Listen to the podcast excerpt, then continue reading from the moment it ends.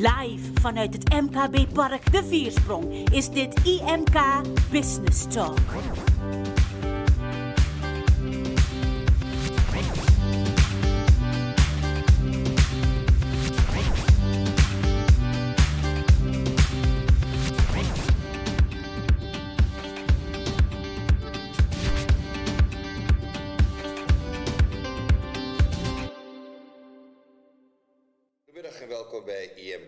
Business Talk.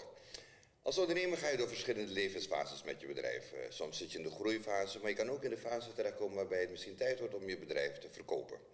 Waarop moet je letten? Wat zijn, wat zijn de do's en don'ts als je in die fase terechtkomt? Daarover gaat het vandaag hebben. Ik heb weer drie toppers aan tafel om het erover te hebben. We praten met eh, Good Company Consultant Yvonne Blij. Fijn dat je er weer bij bent. Eh, de directeur IMK, eh Michiel Hoordijk. En we hebben ook bij ons ehm, Ellen, Ellen Hooyen, Ellen Hooyen van Tribeca, Tribeca Advocaten. Welkom, fijn dat je erbij bent. Eh, even, uh, Tribeca Advocaten, wat doen jullie precies? Wat, waar ligt jullie specialisatie? Wij zijn eh, gespecialiseerd in ondernemingsrecht. En dat betekent dat wij niet zozeer een recht centraal stellen, maar meer een klant. En de klant is de ondernemer.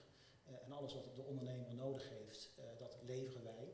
En wij begeleiden eigenlijk de ondernemer bij alles wat hij of zij in het ondernemingstraject op het ja, juridisch gebied tegenkomt. En dat kan zijn eh, het opstellen en uitonderhandelen van een contract. Eh, het kan zijn het oprichten van een rechtspersoon, een BV, en advisering daarover. Maar bijvoorbeeld ook een claim of een procedure die daaruit voortkomt. Eh, of ja, de koop en verkoop van een bedrijf. Ja, dan is het ook zo natuurlijk dat als je goed onderzoek doet, dat je, en je neemt risico's, dan kan je ook heel goed gaan meten wat garanties heb ik wel of niet. Ja. Hoe belangrijk zijn die garanties? Nou ja, de garanties zijn eigenlijk heel belangrijk, want ja, je zegt het al, als je een bedrijf koopt of verkoopt, eh, het belangrijkste is dat je weet wat je koopt. Eh, dat geldt niet alleen voor een bedrijf, maar ook ja, voor een huis, voor een auto. Alleen een bedrijf heeft natuurlijk vele, ja, ehm, veel meer andere punten van belang dan alleen maar bijvoorbeeld een auto of een fiets. Dus je gaat veel meer onderzoek doen, althans als je het goed doet. Ja. Eh, je doet veel meer onderzoek naar het bedrijf, naar de operationele kant van het bedrijf, de financiële kant van het bedrijf. Ehm, en vervolgens ga je wat je hebt gevonden in je onderzoek opschrijven in je overeenkomst. Eh, want je schrijft op wat je koopt eh, en welke punten van belang zijn. Nou, die punten die van belang zijn, die noem je dan garanties. Eh, oftewel de verkopende partij garandeert dat een bepaald punt, bijvoorbeeld de voorraad is courant, Mhm. die is verkoopbaar, dat dat inderdaad specifiek aanwezig is. Om één, de kopende partij zekerheid te geven dat dat zo is. En twee, om ervoor te zorgen dat als het niet zo blijkt te zijn, dat je ja, je- dat je je schade daarmee kan verhalen, Kan verhalen, ja. de. Maar ja, het, het, het is, het, is, het, is het soms niet ook een uitdaging? Want als je in een, we hadden het, eh, voor twee keer geleden hadden we het over het veranderen, of tenminste, nee, we hebben het binnenkort over het, ik zeg het even verkeerd, sorry. We hebben het binnenkort over de verandering van, ehm, van de situatie, wat er allemaal gebeurt. Nu kan het zo zijn dat je bepaalde garanties hebt meegekregen. Ja. Ehm, en dat er, ja, we in een lockdown terechtkomen en dat je dan jouw voorraad niet courant is. Ja, exact. Nou ja, belangrijk is natuurlijk altijd de vraag wanneer gaat het ondernemersrisico over van de oude eigenaar naar de nieuwe eigenaar. Nou, dat spreek je af. En meestal is dat het moment waarop je dan nou, de aandelen levert of, of de activa levert, maar het moment van overgang. Dat is ook de overgang van het economische risico, het ondernemersrisico. Eh, daar kun je van afwijken. Eh, je kan zeggen, eh, de voorraad is courant en dat is voor de komende twaalf maanden eh, wordt gegarandeerd dat die verkocht kan worden. En indien dat niet het geval is, wordt de vergoeding betaald of kan de voorraad worden teruggeleverd. Je kan ook een specifieke garantie opnemen met betrekking tot de klanten.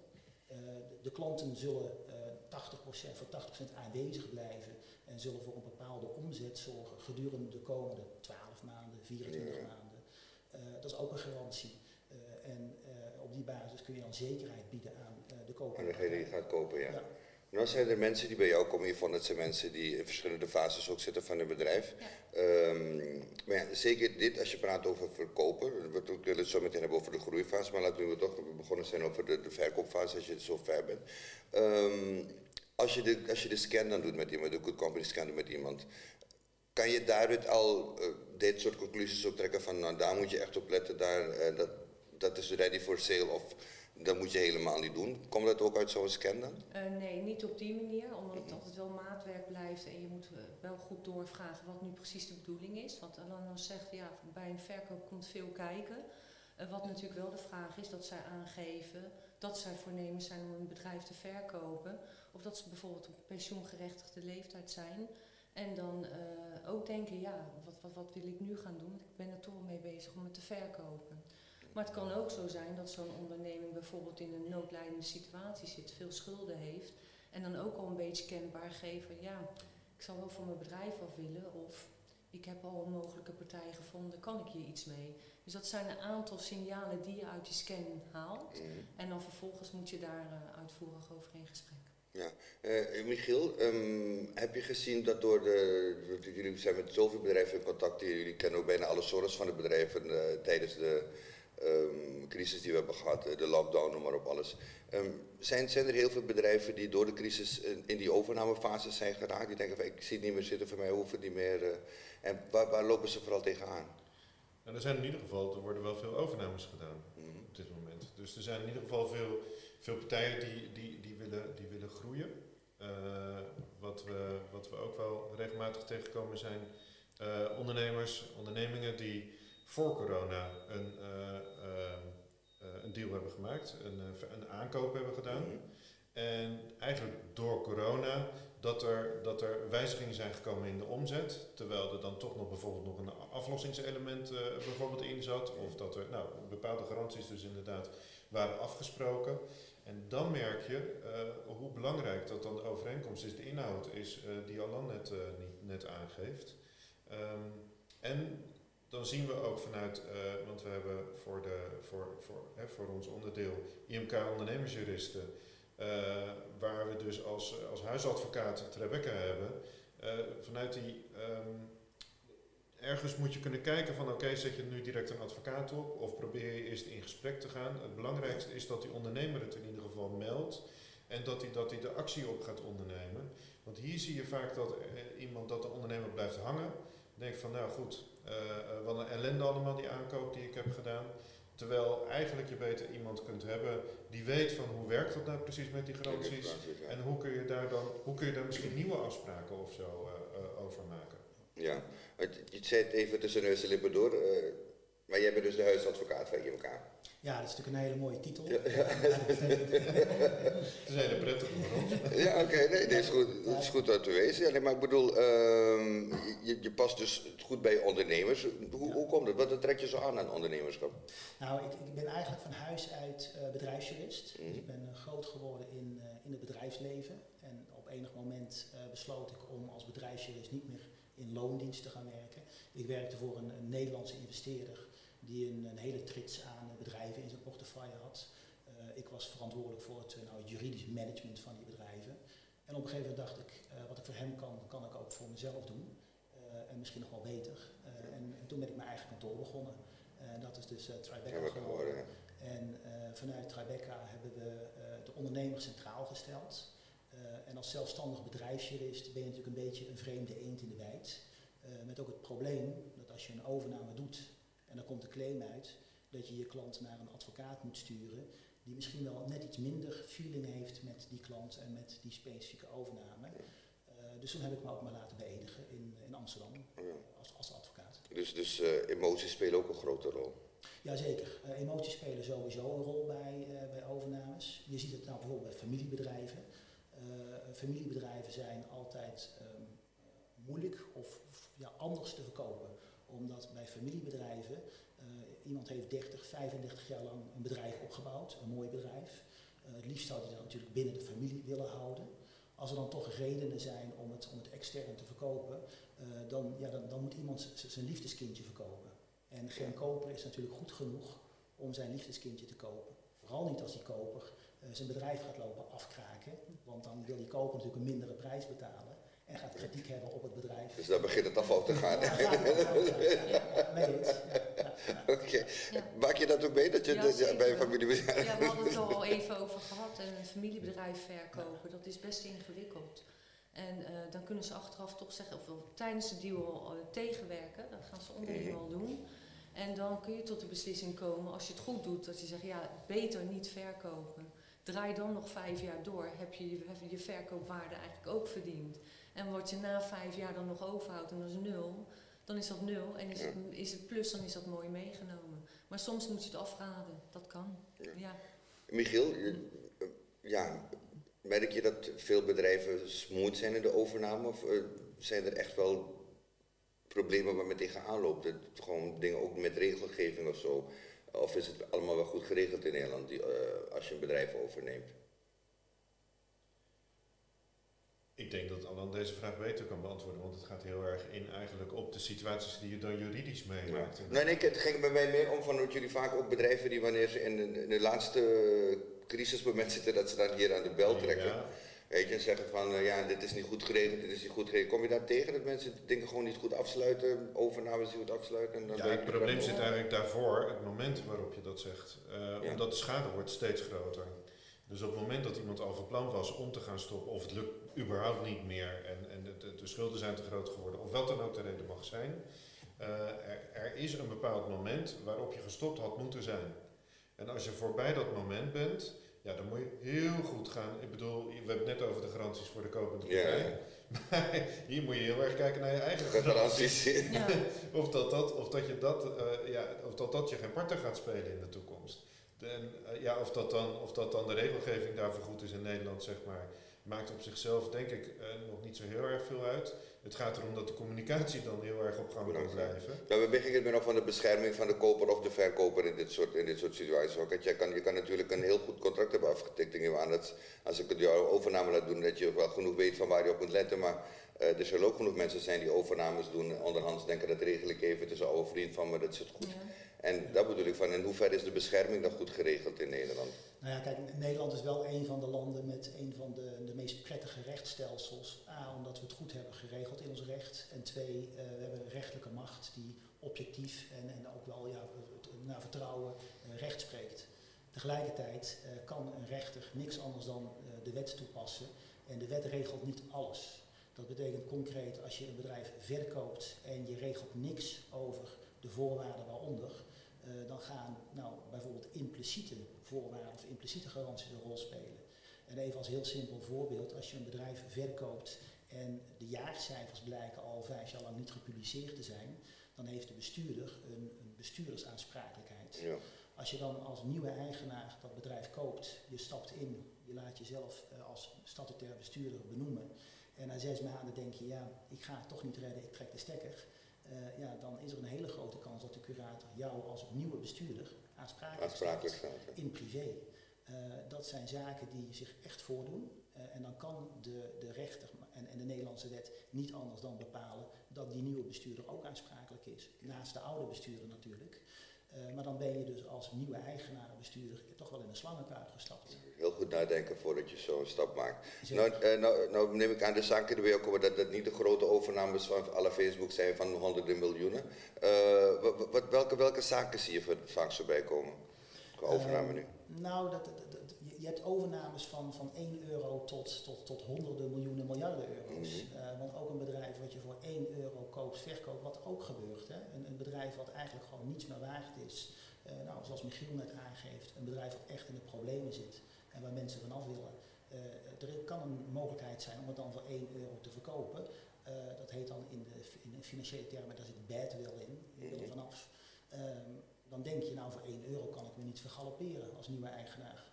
Maar ja, als je dan een bedrijf koopt met bijvoorbeeld een, een, een bestuurdersaansprakelijkheidsprobleem zoals net genoemd, of hele boze klanten, lopende projecten waar nog miljoenen in moeten, ja, dan heb je wel een serieus probleem. Dus ook daarbij geldt, koper, kijk uit wat je koopt. Doe goed onderzoek.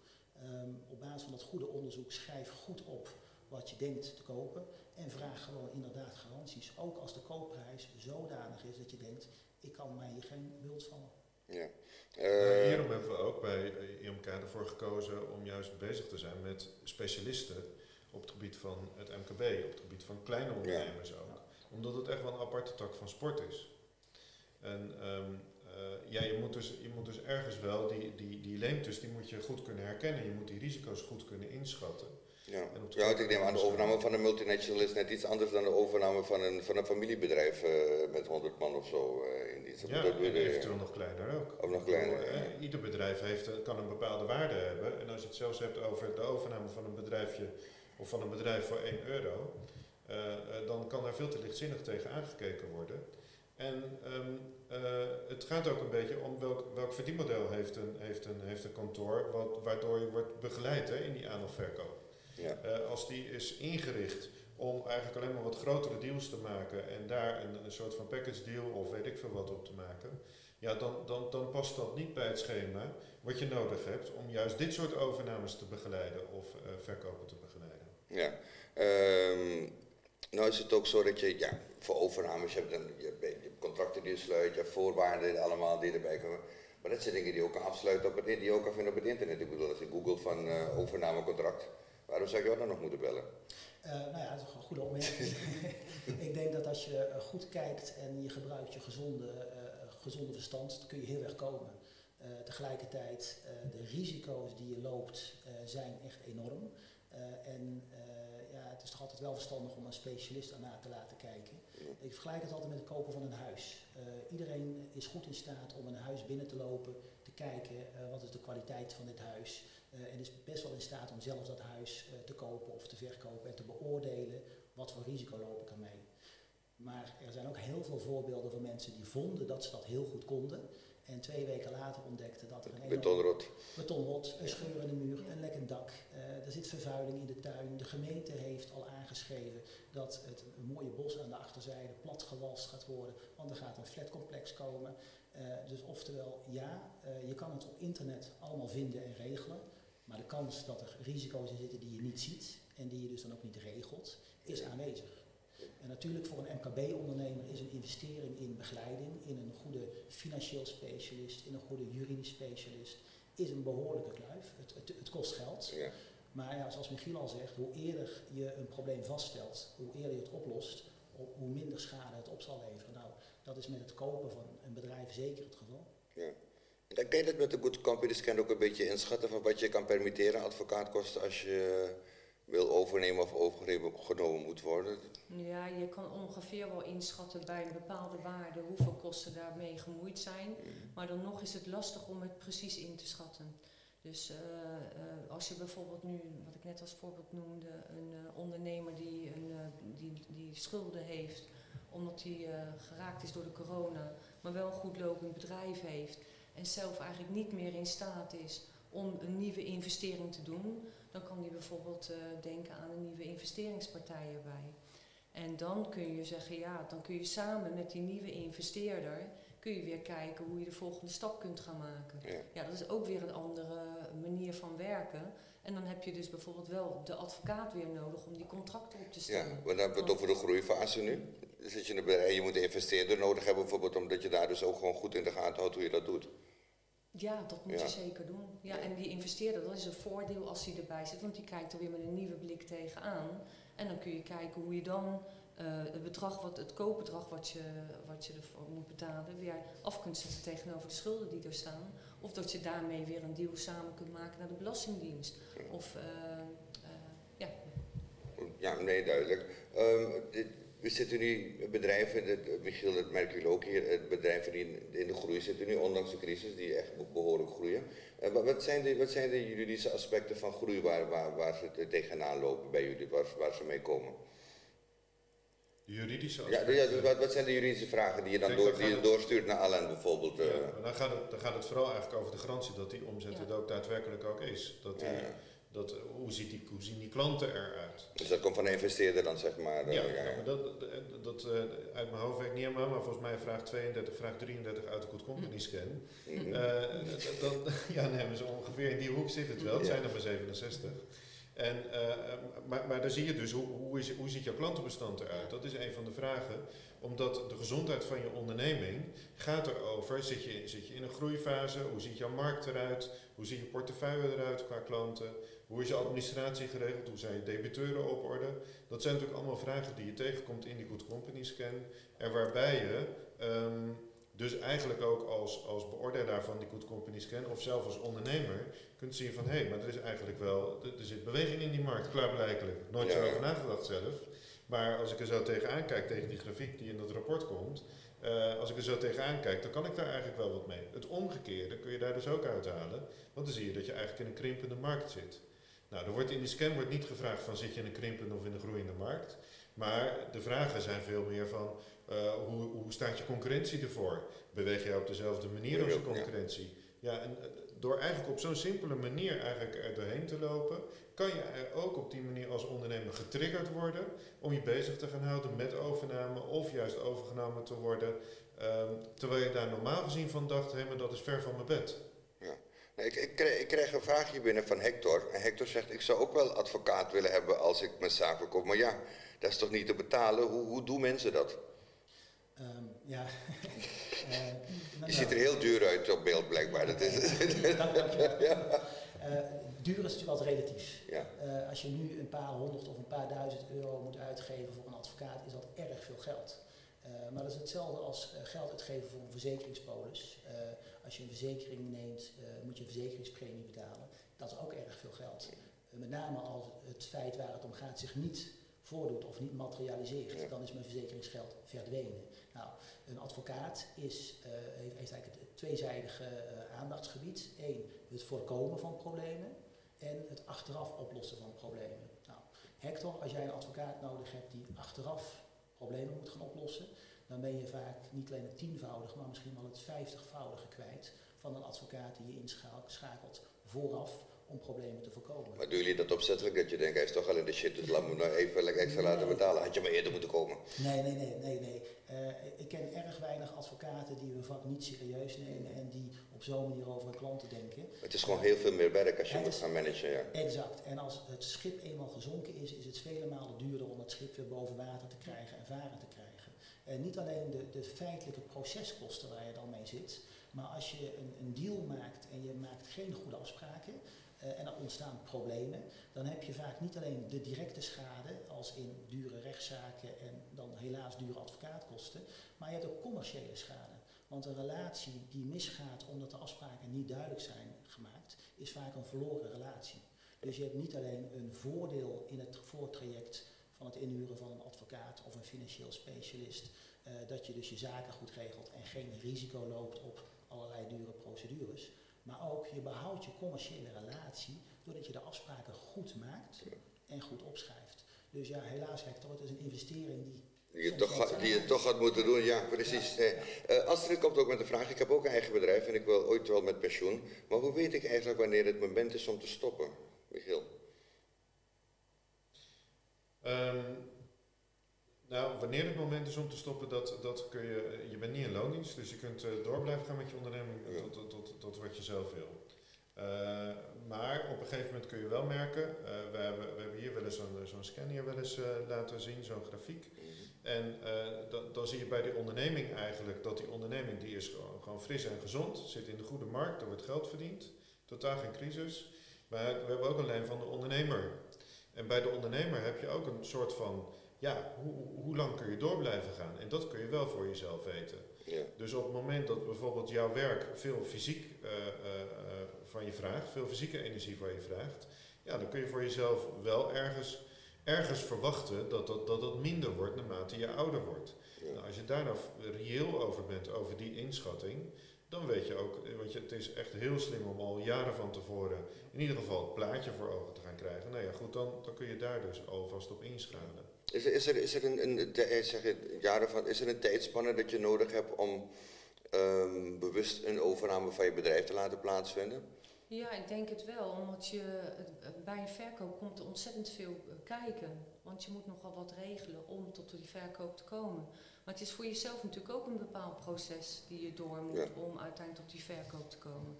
Dus ja, ik raad zeker aan om wat te doen en verdiep je er ook in. Omdat het je eigen bedrijf is. En die wil je uiteindelijk gaan verkopen. Zie je het ja. vaak een fout gaan je doen als het te snel gaat, zo'n overname? Ja, uh, op het moment dat je het snel doet, uh, dan heb je vaak je zaken. Ik zei Jeroen, Alan, sorry, ja. ik kreeg een ja, vraag van Jeroen hier binnen, ja, sorry. Ja, ja. Dat had ik niet. Even niet scherp, mijn excuses. Helemaal geen probleem.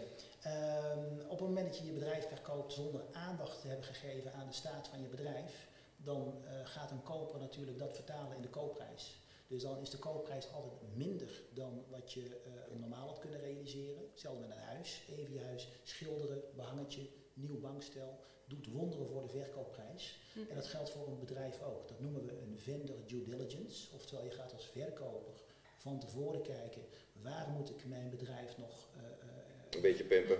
Een beetje peppen, een beetje herstellen, misschien dingen doorvoeren. Misschien een betere managementstijl, een betere financiële rapportage, mooiere uh, managementlijnen. Uh, misschien uh, moet ik in mijn, in, in, mijn, in mijn voorraden wat gaan snijden. Misschien moet ik in mijn winkel het wat mooier presenteren. Maak het bedrijf verkoopklaar. Dus ook een investering doen om te verkopen uiteindelijk.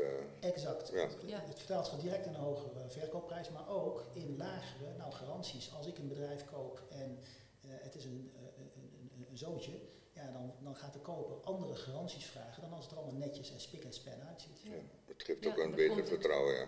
ja. Ja, en er komt ook nog eens bij, als je het zelf niet goed voorbereid hebt, dan gaat de koper, die, die, die weet zijn waarde wel. Dus die drukt daar natuurlijk op. En denkt, ja, die gaat alleen maar naar beneden met de prijs die hij wil bieden. En dat is een slechte zaak. En die, die, die voorbeelden kan ik ook echt wel noemen. Zeker als het mensen zijn die willen uitbreiden en opkopers zijn. Die zeggen, ja, ik wil toch nog wel graag wat meerdere bedrijven erbij hebben. Ja, dan kan je behoorlijk onder druk gezet worden om die koopprijs gewoon uh, laag te houden. Ja. Dus ja, je moet goed realiseren zelf, wat is mijn bedrijf en wat is de waarde daarvan? Daar moet je je wel uh, over, goed over laten informeren. En niet de waarde die jij eraan toelegt, maar de, waarde, echt de, de reële waarde die dan berekend ja. door zo'n scan of die je met je specialist gaat bepalen van ja. uh, wat is het op lange termijn. Daar specialisten voor, die, die gaan echt aan de gang om zo'n waardebepaling op te maken. Dat doen registervaluators. De Jeroen vraag komt nu, vandaar die mistakes uit, sorry. Jeroen laat, uh, laat vragen. Uh, ik herken het verhaal over die verkoopvoorwaarden. Ik heb het dus meegemaakt en nu zit ik uh, met een gebakken peren, want het klopt niet en ik moet heel erg veel geld bij betalen. Maar het waren niet mijn voorwaarden. Heb ik nog ergens op poot om of te staan of echt niet? Nou ja, de, de, vraag is altijd wat is de status van Jeroen in deze als, als, als kopende of verkopende partij. Um, kijk, een consument die heeft vele malen meer bescherming dan een, een niet-consument, dan een professional. Maar ja, iemand die een bedrijf verkoopt of een bedrijf koopt, is per definitie geen professional. Is een professional. Dus de consumentenbescherming geldt niet. En dan val je terug op de, nou, de redelijkheid en billijkheid. En wat mag je als een normaal denkend koper uh, uh? En wat mag je als een normaal denkend uh, verkoper ook uh, uh, ja, vertellen. En daarbij is er een bepaald moment waarbij de informatieplicht van de verkoper eindigt en de onderzoeksplicht van de kopende partij begint. Mm. Nou, hetzelfde geldt voor de, de, voorwaarden. Ik begrijp dat Jeroen voorwaarden heeft gebruikt die hij niet zelf heeft opgesteld. Nee. Maar ik denk wel dat hij zijn handtekening eronder heeft gezet. Dus je hebt ze wel gelezen dan? Exact. In ieder geval, Hoop ik voor hem. Daar wordt vanuit en, en op het moment dat hij zijn handtekening zet en hij heeft die voorwaarden niet gelezen, ja, dan zal toch elk normaal denkend mens zeggen, uh, dan had je ze maar moeten lezen. Want je hebt wel richting de, de, de, de verkopende partij de indruk gewekt dat je het ermee eens was. Ja. Uh, dus dus, dus uh, het is altijd verstandig om goed te lezen, goed uit te onderhandelen. En bij twijfel, ja, vraag toch een specialist. Dat kost dan helaas misschien wel even wat tijd en misschien wat geld. Maar vraag die specialist. Ja. Nou, van nu weten we nou eenmaal dat onze kijkers heel graag voorbeelden willen hebben, omdat het altijd beeldender is. En ik ken jou als iemand die dat altijd ook heel beeldend kan vertellen. Ja. Dus um, ja, als je die scan hebt gedaan, dan kan het blijken dat je bedrijf beter verkocht kan worden of juist moet worden uitgebreid. Of misschien is helemaal stoppen beter. Um, heb je voorbeelden van zaken waarbij het goed of juist niet goed uh, geregeld was? Uh, ja, ik, ja, ik heb wel voorbeelden van een ondernemer die gewoon een mooi bedrijf overgenomen heeft. En tenminste een werknemer was en een aandeel heeft overgenomen binnen het bedrijf. Ja, dat hebben we in stappen hebben we dat uh, begeleid. En daar heeft uh, Alan uiteindelijk zijn voorwaarden voor opgesteld. Dus hij heeft niet het hele bedrijf, hij, gewoon een, hij is aandeelhouder binnen het bedrijf. Ja, gewoon, dus hij, hij was werknemer en heeft een, percentage overgenomen in het bedrijf. We noemen dat met een netwoord managed by, management by in. -hmm. En je hebt natuurlijk ook management buy-out, maar dit was buy-in. En dan koopt hij zich in in, de, in, de, in het bedrijf. En dat komt wel veel voor. Dus ook dat is natuurlijk een mooie vorm van je bedrijf over laten nemen. Ja. Als je al met werknemers werkt, ja, die, die, dit bedrijf echt ook kent. Staan, dan gaat zo'n eigenaar ook wel zeggen, nou dan gaat hij al van kleine stapjes al een beetje afscheid nemen van zijn bedrijf. Ook dat is een manier natuurlijk. Loop je minder risico's zo als je in het bedrijf zit al en het overneemt, of zijn de valkuilen hetzelfde? Um, de valkuilen zijn uiteindelijk wel hetzelfde. Tegelijkertijd, uh, als je uh, als werknemer actief bent in het bedrijf, afhankelijk ook van uh, ja, de functie die je daarin hebt, weet je natuurlijk al veel meer van het bedrijf. Je weet veel meer van de producten, ja. je weet veel meer van de klanten, je weet veel meer van de leveranciers. Dus je risicoprofiel is naar mijn mening vele malen lager, want je weet veel beter waar je mee bezig bent. Eh, en een een concreet voorbeeld, eh, je koopt een bedrijf en eh, de week nadat je het bedrijf hebt gekocht, stapt de belangrijkste leverancier op en begint zijn eigen handel met, met zijn producten in. Nederland. Dan heb je een concurrent erbij.